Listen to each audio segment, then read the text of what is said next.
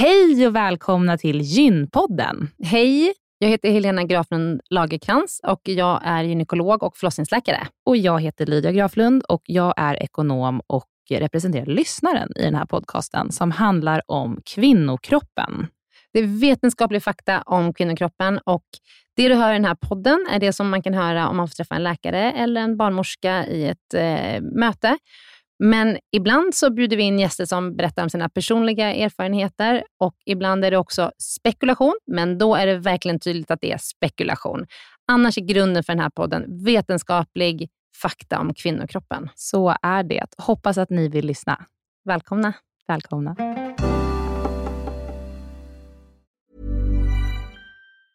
Hey, I'm Ryan Reynolds. Recently, I asked Mint Mobile's legal team if big wireless companies are allowed to raise prices due to inflation.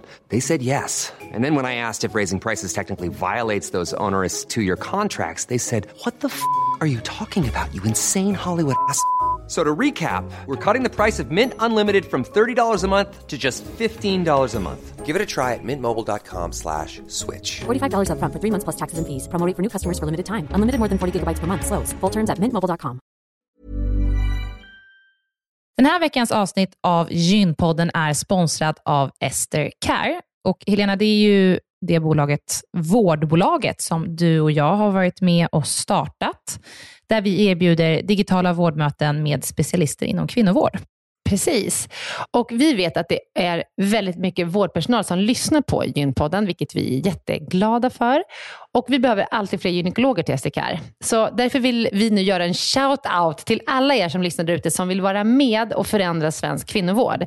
Vi söker specialister inom gynekologi, men också ST-läkare som har kommit en bit in i sin ST och som vill arbeta digitalt eh, med handledning på, hos oss på SDKR. Mm. Och precis som det är för våra patienter som kan söka vård hos oss, det vill säga att de kan bo vart som helst i landet eftersom vi är digitala. Om man laddar ner appen och så bokar man ett vårdmöte, så kan ju även läkaren bo vart som helst i landet eller flytta under tiden man jobbar hos oss. Det är ju väldigt, väldigt flexibelt eftersom eh, man jobbar hemifrån. Och Jag tänker att det måste ju också vara helt underbart att som läkare kunna arbeta hemifrån och planera sin egen tid några dagar i veckan. Ja, verkligen. Och samtidigt vara med och förändra kvinnovården med kollegor som är otroligt drivna och engagerade. Det är jätteroligt att jobba på SDKR. Och jag tycker att det här är en häftig grej som vi gör just nu, att vi erbjuder gyn, äh, gynvård i hela landet. Och vilka är de vanligaste patientmötena du tar, Helena? Ja, men det är ju klimakteriet, eh, PMS, eh, mensbesvär. Och det är ju såklart ärenden och eh, diagnoser som går att hantera digitalt. Men vi remitterar också vidare när det behövs mm. Eh, och tar labbprover när det behövs mm. och så vidare. Mm. Så gå in på sdcare.com, klicka på jobba hos oss i menyn för att läsa mer och skicka in en ansökan. Tack så mycket. Tack och välkomna. Eh, hej, välkomna till Gympodden. Välkomna. Idag ska vi podda med göteborgska. Yes. Och problemet med göteborgskor, det, eller med, när jag Vänta, vänta, tread carefully nu Helena. Ja, Vad är, är problemet? att jag alltid börjar härma dem. Men hon pratar ju inte sådär. så vi får väl se hur det går idag. Hon ser Men... inte så road ut. Nej. Anna, är du road av min göteborgska? Alltså stockholmare generellt är ju extremt dåliga på att härma alla dialekter. Så det är liksom... What? Okej, okay, vilken tur att jag är från Eskilstuna då. Okej, okay, nu ska vi ge en uh, liten... Alltså Helena, du äter upp micken idag. vi delar en mick i vanlig ordning. Och Helena stoppar in micken i munnen så att jag inte kan prata i den. Det var jag inte hördes förra gången. Okej, okay, hur som helst. Nu eh, så börjar vi med att presentera presentera dagens ämne. Lydia, go! Havandeskapsförgiftning. Ja. Mm. Vet du vad det är? Jag eh, vet att det är ett problem som uppstår eh, under graviditet. Mm. Mm. Det är en jättebra början. Och jag ska presentera dagens gäst som heter Anna Sandström. Välkommen! Tackar, tackar. Tack. Hela vägen från Göteborg. Nej, hela vägen från Karolinska. Ja. Anna är förlossningsläkare och gynekolog, arbetar på Karolinska Universitetssjukhuset och eh, du forskar och undervisar om havandeskapsförgiftning. Jag vet att du undervisar om massa olika saker, men bland annat om havandeskapsförgiftning. Precis. Vad mer? Ja, men jag undervisar för eh, forskare på Karolinska institutet om forskningsmetodik och hur man bedriver forskning. Mest. Viktigt mm. och bra. Mm. Okej, Anna, det ska bli så himla intressant att podda om det här med havandeskapsförgiftning. För att jag tror att det är, eh, det är ju en sjukdom som drabbar väldigt många under graviditeten och vi ska prata om vad man får för symptom. Men jag tror att det är ganska få som vet vad det är för någonting. Ja, det är ju en väldigt lurig sjukdom och det stora är ju faktiskt, eh, precis som du sa Lydia, att det drabbar ju bara gravida. Så det är en väldigt skum sjukdom och eh, väldigt fascinerande sjukdom på många sätt också.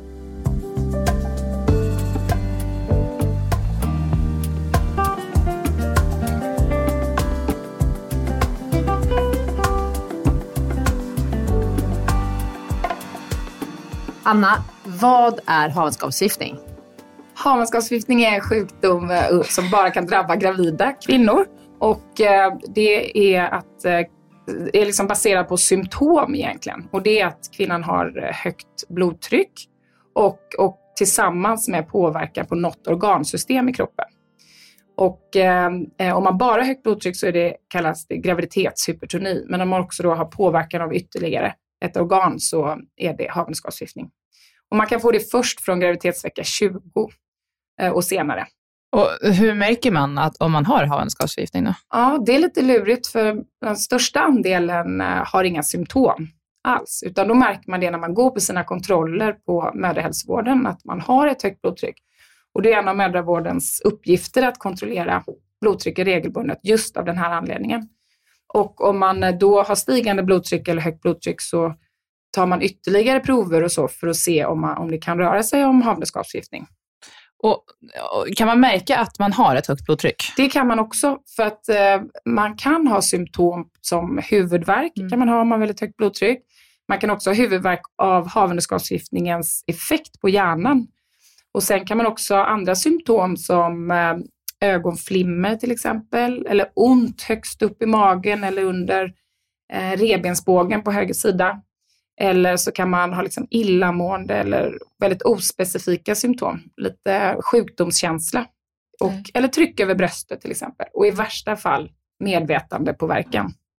Men eh, en, många som insjuknar lite mer akut i havandeskapsförgiftning beskriver ju ungefär som att de kände det som att de höll på att få influensan. Så Exakt. det är ju faktiskt ett så här att man bara känner, man känner bara sig, man känner sig sjuk. Mm.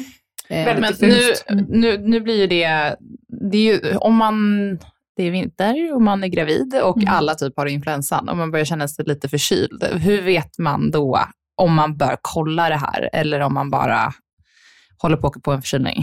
Ja, man har ju inte andra sådana här förkylningssymptom då till exempel som eh, Halsont och... Nej, ja. exakt, exakt. Eh, Eller liksom snuva eller annat sånt virusrelaterat. Men om man är fundersam och inte har varit hos sin barnmorska nyligen och kontrollerat blodtryck så kan man ringa sin barnmorska och diskutera det. Så det man kan göra är att om man börjar känna de här symptomen, det är kanske att gå och ta ett blodtryck. Precis, egentligen. exakt. Och är det normalt, då är det inte havandeskapsförgiftning. Nej, precis. okej. Men du sa att, eh, att man också får påverkan på andra organ. Mm. Vilka organ då? Ja, men det vanligaste är att man får påverkan på njurarna och att man då kan mäta eh, protein eller eh, eh, äggvita i urinen. Eh, och, Vad, innebär äggvita i urinen? ja, men då är det ett ämne som läcker från njurarna för att det liksom har blivit en skada i njurarna som läcker ut från blodet i njurarna. Och det kan ge som liksom skummigt urin. Så det var så man diagnostiserade förr i tiden. Innan Så det är det här med att man döper olika tillstånd och sjukdomar och gre- grejer i kroppen till mat. Det här har vi ju pratat om i tidigare avsnitt med olika chokladsystor och jordgubbar och hallon. Exakt. Så det är det. Det är, liksom, det är, inga, det är inte någon, det är inget relaterat till äggen du har. Jo, men Eller? det är det. Ja, precis. Är det det? är Okej. ett protein som, eh, som finns, eh, så att säga. Eller eh, protein, det är ett protein som är, läcker ut i urinen. Ja, och det är protein som i ägget. Liksom. Som i alltså hönsägg. Ja, precis. Som Okej. är väldigt proteinrikt. Okej, ja. men då är det ju inte relaterat till dina ägg i din Nej, kropp. det är det inte. Nej. Nej. Äggstocksäggen. Nej, exakt. Nej, nej. Mm. Ja, eh, Lydia, här måste, du måste, jag tror att du måste stoppa ofta eh, under det här Jag är poddsamtalet. redan stoppad hundra gånger, men vi, vi kommer klippa bort det. För det är komplicerat, men det är också en otroligt eh, viktig och liksom potentiellt väldigt allvarlig sjukdom. Så det känns jätteviktigt att vi pratar och poddar om den. Mm. Även fast det ibland kan kanske kännas lite medicinsk. Precis.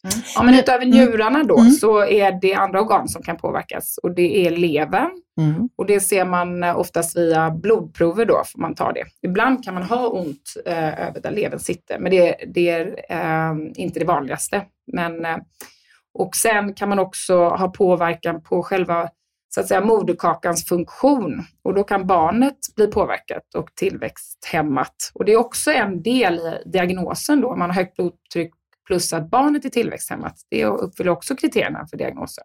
Mm. Och sen så kan man ha påverkan på liksom hjärt-kärlsystemet, själva cirkulationen, så att man till exempel får vätska på lungorna och tryck över bröstet eh, och så. Och sen så kan man få påverkan på hjärnan och också med eh, liksom vätska utanför blodkärlen i hjärnan som kan ge symptom.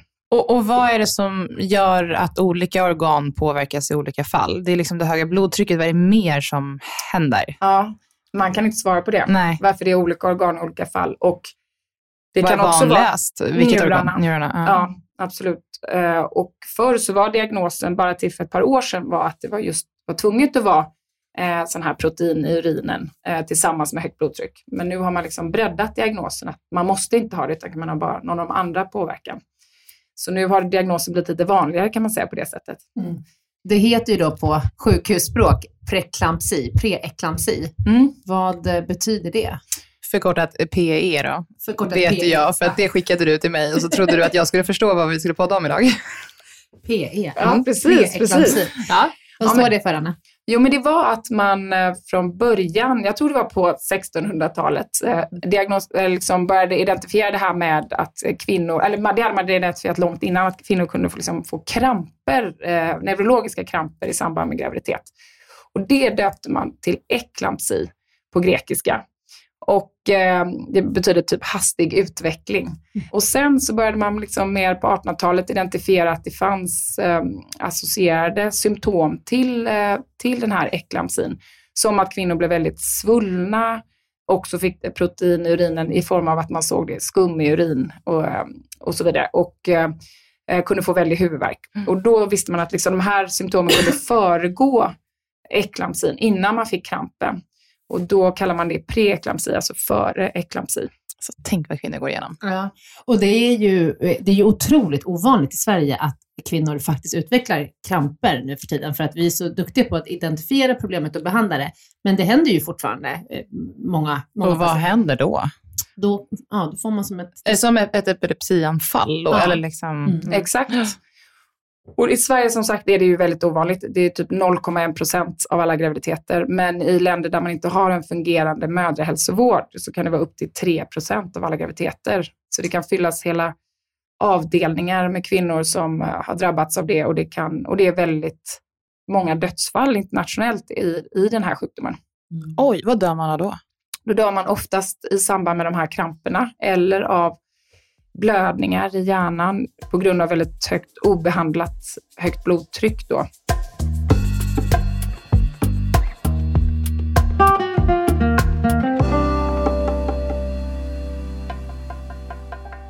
Hur vanligt är eh, havandeskapsförgiftning?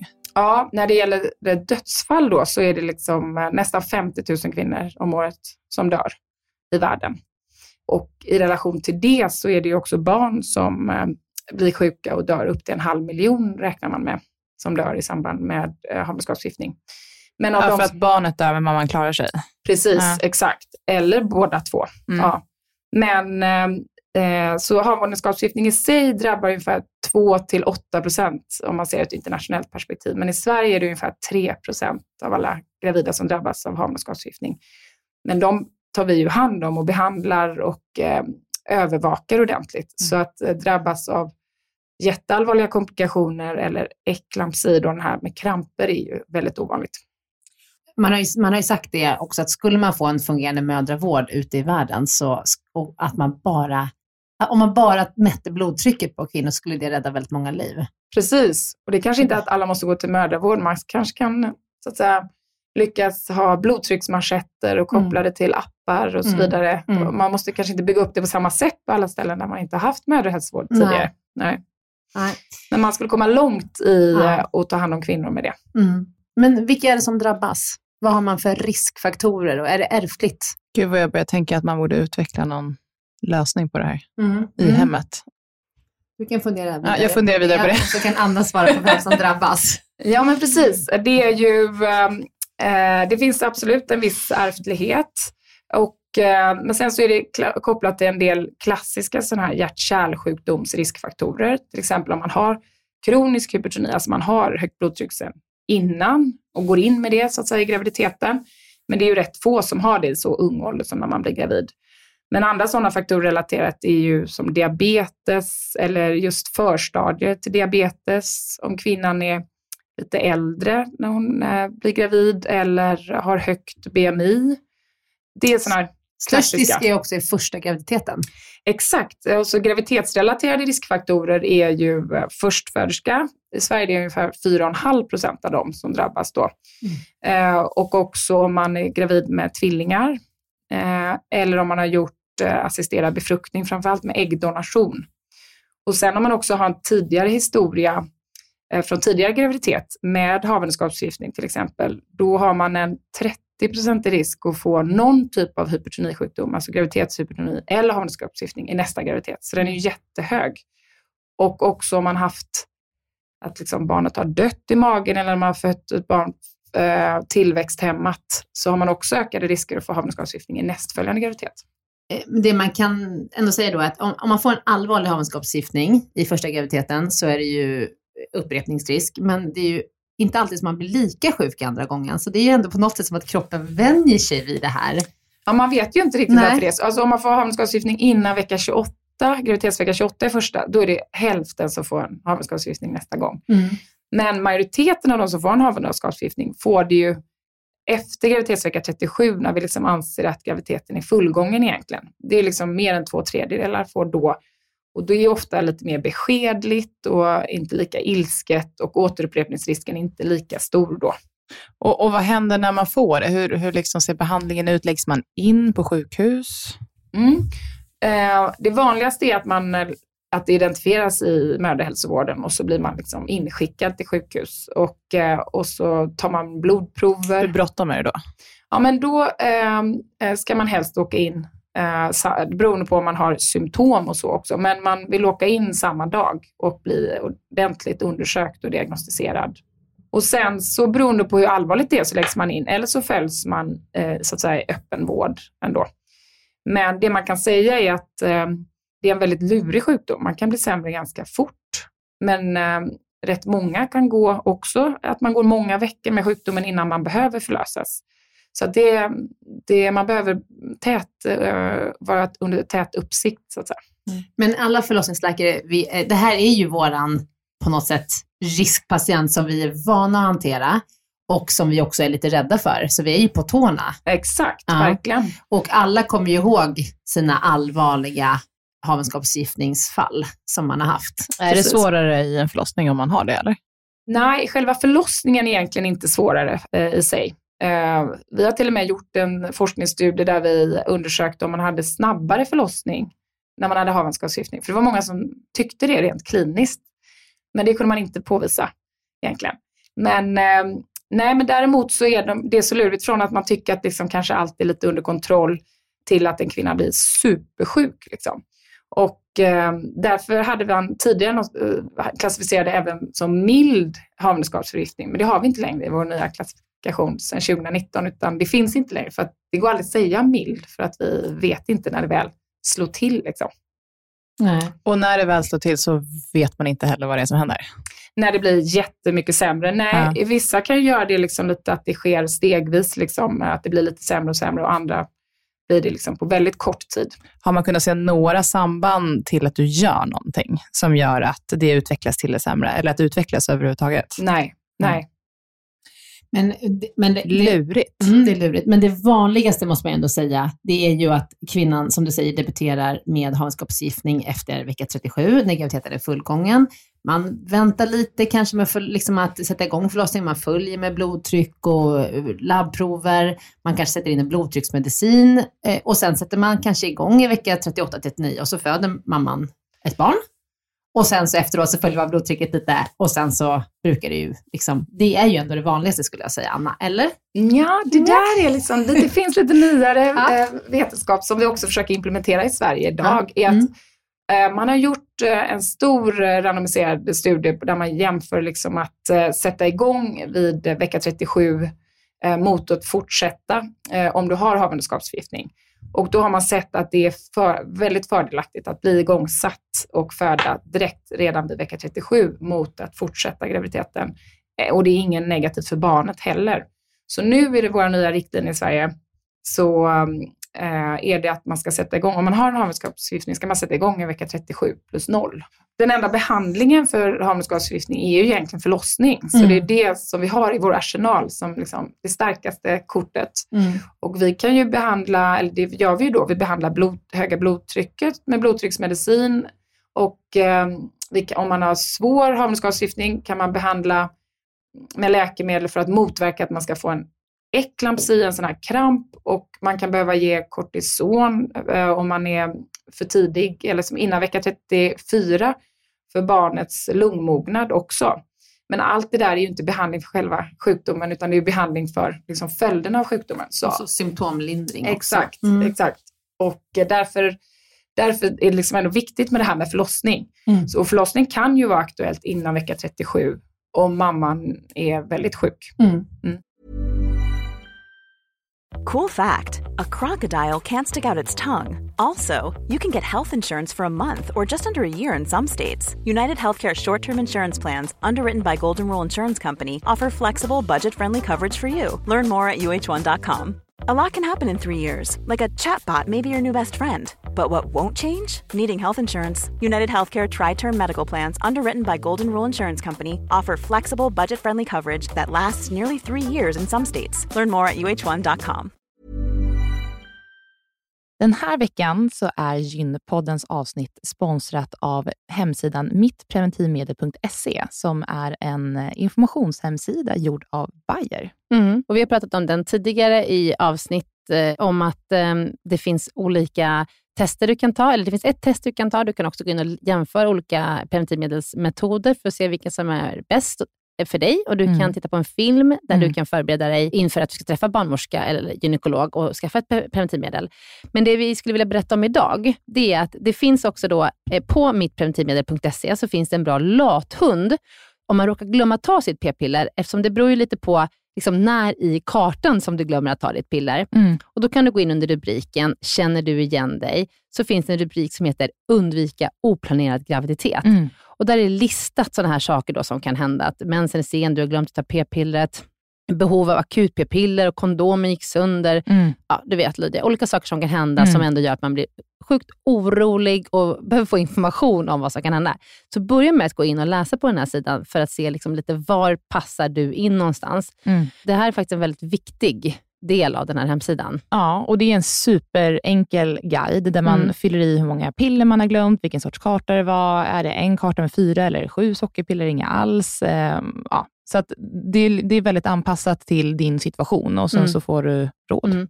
Och ibland kan det vara att man bara, bara behöver ta igen det här pillret som man har missat och ibland behöver man kanske komplettera och ha kondom i en vecka liksom, eller så under en viss tid. Så att, eh, ja, men den är informativ och bra. Så gå in och kolla på mittpreventivmedel.se och sen klicka vidare till den här lathunden då som man hittar under rubriken Känner du igen dig? Mm.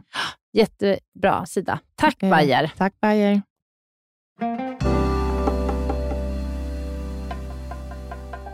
Hur, ehm, eh, du säger att det är, påverkar barnet. På vilket sätt påverkar det barnet? Ja, det kan ju ge då påverkan på själva livmodern eh, och moderkakans eh, eh, inväxt i livmodern och eh, i då också tillväxthämning på barnet. Det är, det, eh, det är vanligast just när det är sån här tidigt debuterande havandeskapsförgiftning. Det är inte lika vanligt hos de eh, sent debuterande eh, från vecka 37. Men det är ju något som man alltid ska kontrollera hos en kvinna som har havandeskapsförgiftning, eh, hur tillväxten på barnet ser ut och hur barnet mår. Mm. Eh, och man får, kan föda med eh, att man kan föda vaginalt och man kan föda med kejsarsnitt. Finns det någon fördel med det ena eller det andra i något fall? man kan säga att det är ju alltid en fördel att föda vaginalt. Eh, så att det finns liksom ingen anledning att man ska föda med kejsarsnitt när man har havandeskapsförgiftning. Men eh, om man är jätteakut sjuk och behöver förlösa snabbt på grund av att mamman är så sjuk, då är ju akut kejsarsnitt eh, eh, väldigt viktigt att vi har. Men man måste först se till att man har koll på mammas blodtryck, att liksom mamman är stabiliserad, som man säger, att, alla, att man allt är under kontroll innan man går in i en operationssituation. För det kan vara jättefarligt om man opererar mamman och har jättehögt blodtryck till exempel. Hur kan man, kan man se på en person att ens mamma hade havandeskapsförgiftning när man var barn och låg i magen? Är, är det liksom, hur tar det sig utseende så att säga? Tänker du... eh, Jag tänker på en vuxen person, men även en bebis. Du, du säger, är de lite, då är de lite mindre? Mm. Nej, de behöver ju inte vara tillväxthämmade så att Nej. säga. Nej.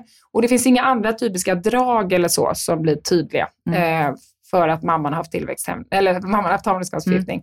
Men eh, eh, man vet ju att de barnen kan vara lite skörare liksom då, eh, om mamman har haft havandeskapsförgiftning. Liksom under själva eh, graviditeten och förlossningen. Okej, så Mm. sen efter det så, Nej. så, så är man inte det? Nej. Nej. Men sen finns det ju forskning på just långtidseffekter av havandeskapsförgiftning. Mm. Eh, liksom, eh, och, eh, eh, både för, hos mor och barn. Mm. Och det är något som eh, liksom är väldigt eftersatt. Mm. Det pratar jag jättegärna om. Det älskar jag att prata om. Att det, den forskning som pågår eller? Ja, men att eh, men, eh, vi vet sedan rätt länge nu att eh, kvinnor som har haft havandeskapsförgiftning, de har ju ökade risker då att få komplikationer i nästföljande graviditet. Oavsett om de faktiskt får havandeskapsförgiftning eller inte. De får även ökad risk för andra komplikationer om de inte får havandeskapsförgiftning. Så både det, men sen vet vi väldigt väl nu för tiden att dessa kvinnor har ökad risk att få hjärt-kärlsjukdom senare i livet. Och bara inom två år efter så har de liksom sex gånger ökad risk att få högt blodtryck. Så det är nästan 30 procent av alla kvinnor har högt blodtryck två år efter sin havandeskapsförgiftning. Och det här är ju liksom unga kvinnor. Mm. Så det här är ju extremt viktigt att identifiera dem. Och det har man liksom inte gjort historiskt. Eh, ur, eh, som all annan sån här hjärt-kärlsjukdomsforskning så har man ju inte fokat på kvinnorna. Eh, och, Alltså eh, Lydia, här har vi det igen. Det här Mm. framkommer ju ofta. Ja, så det eh, liksom börjar man titta mer på nu och då Mm. undrar man lite så här, eftersom då undrar man så här, är preeklampsin orsaken till att man får eh, hjärt-kärlsjukdom senare i livet? Eller är det någonting som är hos en själv innan man blir gravid som också visar sig då så lite som ett stresstest under graviditeten? Eh, så att man får preeklampsi och då och att man sen då har en ökad risk för hjärt-kärlsjukdom senare i livet. Har man sett något då? Man har ju liksom sett saker som bevisar båda delarna.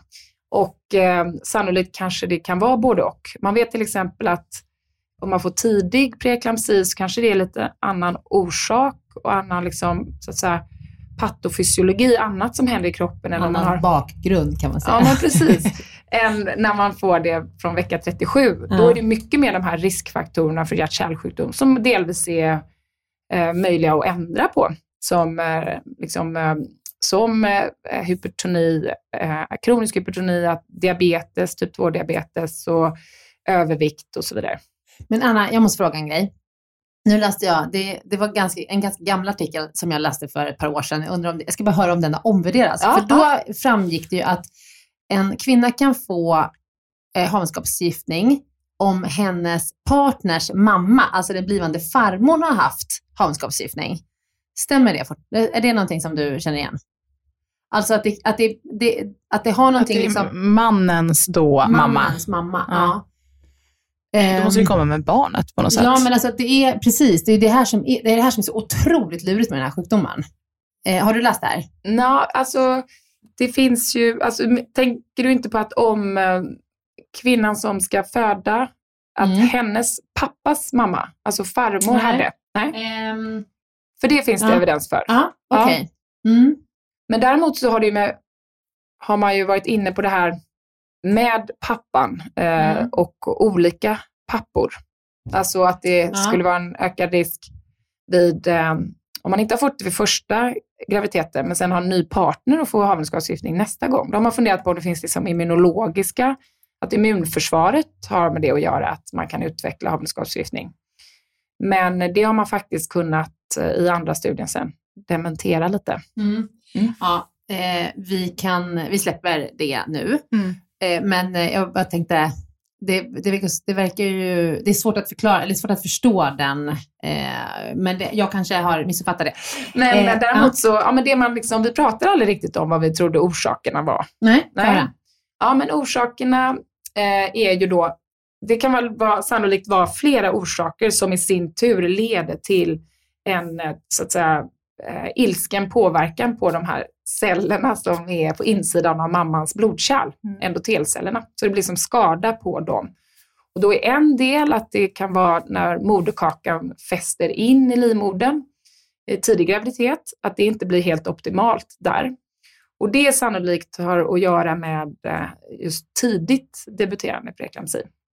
Sen anser man att det kanske har med mammans liksom hjärt-kärlsystem redan innan och möjligheten att klara av den extra påverkan som eh, en graviditet är.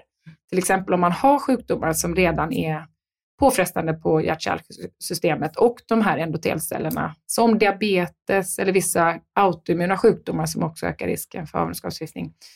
Då kan det ge att man utvecklar havandeskapsförgiftning. Men sen tänk, finns det också en del vetenskap som just tyder på att det kan finnas här immunologiska, immunförsvarets eh, effekt på kroppen som orsak till eh, utvecklande av havandeskapsförgiftning.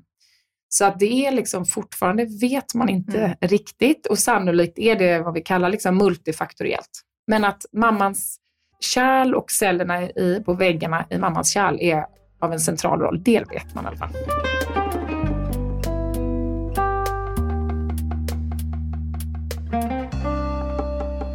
Vad forskar man på nu och vad tror du man behöver forska på framåt?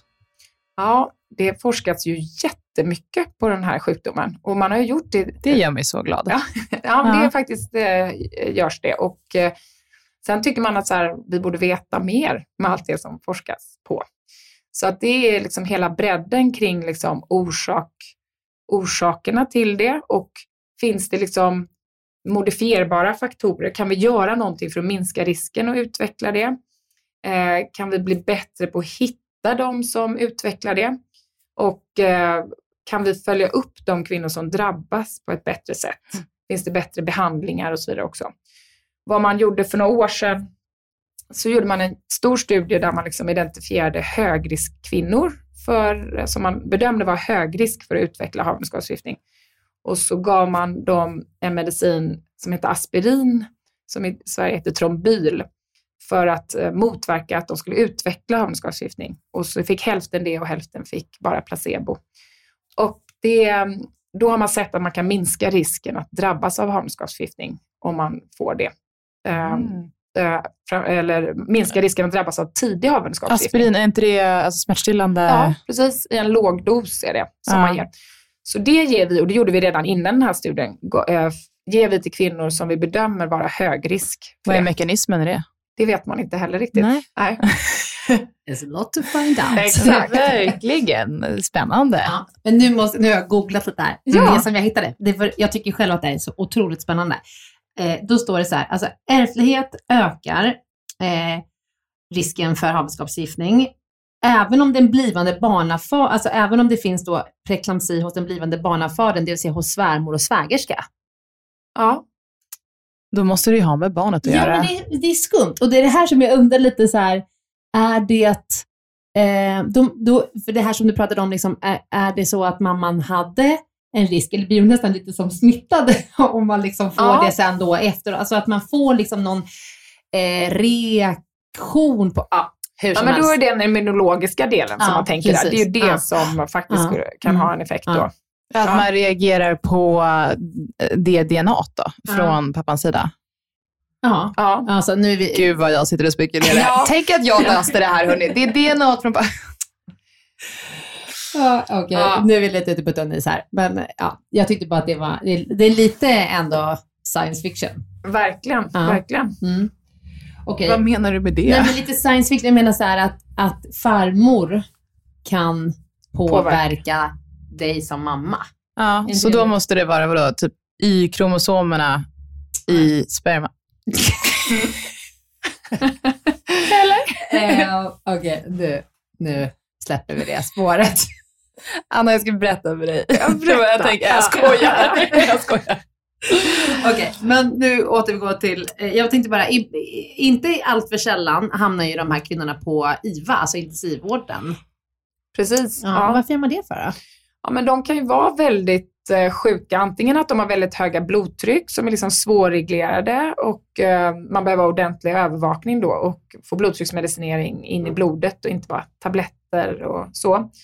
Och sen så kan de ju få en svår påverkan på koagulationssystemet och eh, det behöver man också ha under uppsikt och ge behandling för och så vidare.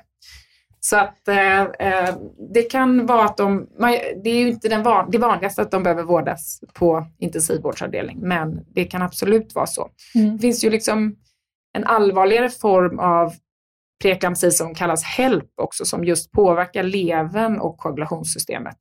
Och där är en liten del som faktiskt inte ens har högt blodtryck av dem, utan de bara får den här påverkan. Och de blir väldigt sjuka och det kan vara väldigt ilsket. Eh, Så att de måste man oftast eh, förlösa innan vecka eh, 37 Mm. också. Mm. Ja, Lydia, känner du att du har en bra bild av havandeskapsförgiftning nu? Det jag tar med mig från det här är väl att om du har ett normalt blodtryck under graviditeten så behöver du inte oroa dig för det. Eller? Nej, men jag bra. tänker så här, implikationen, vad det betyder för den vanliga kvinnan som är gravid. Mm. Det är ju det man vill ta med sig från det här avsnittet tror jag. Mm. Vad, hur kan jag veta om jag, om jag, att, att jag riskerar att jag har det eller inte? Mm. Det man gör på mödrahälsovården precis i början när man skrivs in på mödrahälsovården, då tillfrågar man om eh, alla de här riskfaktorerna. Tillfrågas man om alla de här riskfaktorerna och då också för att bedöma om man är hög risk för eh, havandeskapsförgiftning. Och också om man ska få sån här aspirinmedicinering då. Mm. Men man väl också vill ta med sig från det här avsnittet skulle jag säga då, är att gå på sin mödrahälsovård. Mm. Ja, verkligen. verkligen. Ja. Gå på sina kontroller. Ta Ja. blodtryck. Mm.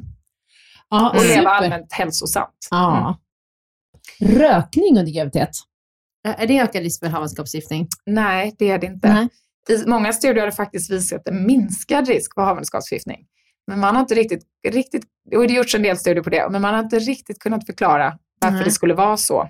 Eh, vilket är rätt intressant. Men det är ingenting vi rekommenderar för att motverka havandeskapsförgiftning. Det finns så mycket andra negativa aspekter med det, så börja inte röka. Nej, exakt. Nej. Men däremot eh, bättre uppföljning av kvinnor efter förlossningen. Eh, det har vi ju inte gjort så mycket, alltså den korta tiden efter förlossningen heller. Har vi ju inte gjort så mycket eh, i Sverige tidigare heller. Nej. Och eh, idag följer vi kvinnorna oftast någon vecka kanske efter förlossningen och sen så remitteras man ut i öppenvård. Och man bör kontrollera blodtryck minst ett en gång om året. Om man inte har blodtrycksmedicinering längre då, så bör man absolut kontrollera blodtryck minst en gång om året och tänka på att ha en eh, hälsosam livsstil för att minska risken för framtida komplikationer. Mm. Och att alla kvinnor faktiskt blir informerade om att man har de här förhöjda riskerna Mm. Med hjärt-kärlsjukdom framöver i livet. Mm. Eh, Jätteviktigt. Mm. Det tror jag faktiskt ganska ofta glöms bort. verkligen. Liksom att man är så här, åh nu, nu blev du av med din eh, blodtrycksmedicinering, vad skönt, du är frisk igen. Exakt. Och sen släpper man liksom Och jag har pratat med lite. kvinnor som är med i patientorganisationen för preeklampsi. Mm. Och de beskriver just det, att det är sån enormt fokus på dem när de har bebisen kvar i magen och Mm. de blir extremt kontrollerade. Mm. Sen blir de förlösta och så blir allt fokus på barnet Mm. och sen så känns det som att de blir liksom lämnade lite vind för våg. Det här känner jag igen från andra avsnitt, när Mm. vi pratar generellt sett om, om vård i Sverige, att den är väldigt, väldigt bra under tiden som du är gravid. Mm. Och sen efter det så, ja, Mm. så är kvinnan left alone ganska Mm. mycket. Ja. Mm. Men, eh, det, men vi kan ju nämna också att en del insjuknar ju faktiskt i havandeskapsförgiftning efter att man har Precis. fött sitt barn också. Mm. Så upp till sju dagar efter förlossningen så kan man ju faktiskt eh, bli sjuk. Och det är ganska, hur stor andel är det? Vet du det i huvudet Anna?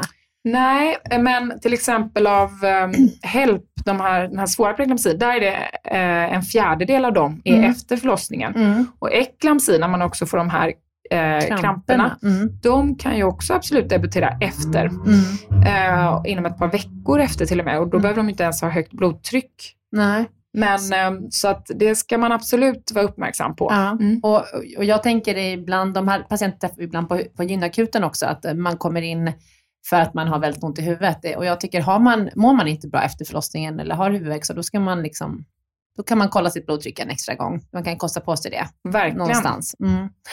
För det är inte ovanligt också om man har haft högt blodtryck och eh, eh, kanske inte har någon medicinering eller så och sen går hem så stiger ju blodtrycket normalt efter tre till fem dagar efter förlossningen och då kan ju de eh, komma in med symptom, till exempel med Mm. huvudvärk och så. Mm. Ja, åh, vi måste ta hand om alla våra gravida och postpartum-kvinnor. Ja. Mm. Mycket mer fokus på spartum. Mm. Ja. Verkligen. Ja. Så många anledningar. Ja.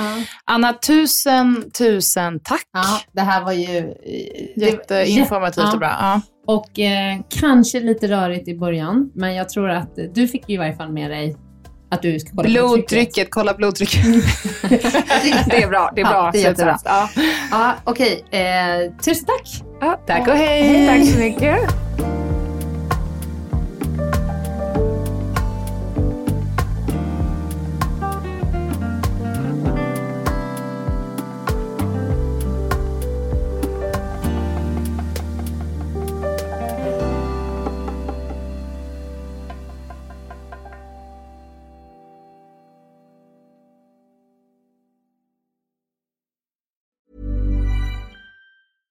Ever catch yourself eating the same flavorless dinner three days in a row? Dreaming of something better? Well, HelloFresh is your guilt-free dream come true, baby. It's me, Kiki Palmer. Let's wake up those taste buds with hot, juicy pecan-crusted chicken or garlic butter shrimp scampi. Mm. Hello Fresh. Stop dreaming of all the delicious possibilities and dig in at HelloFresh.com. Let's get this dinner party started.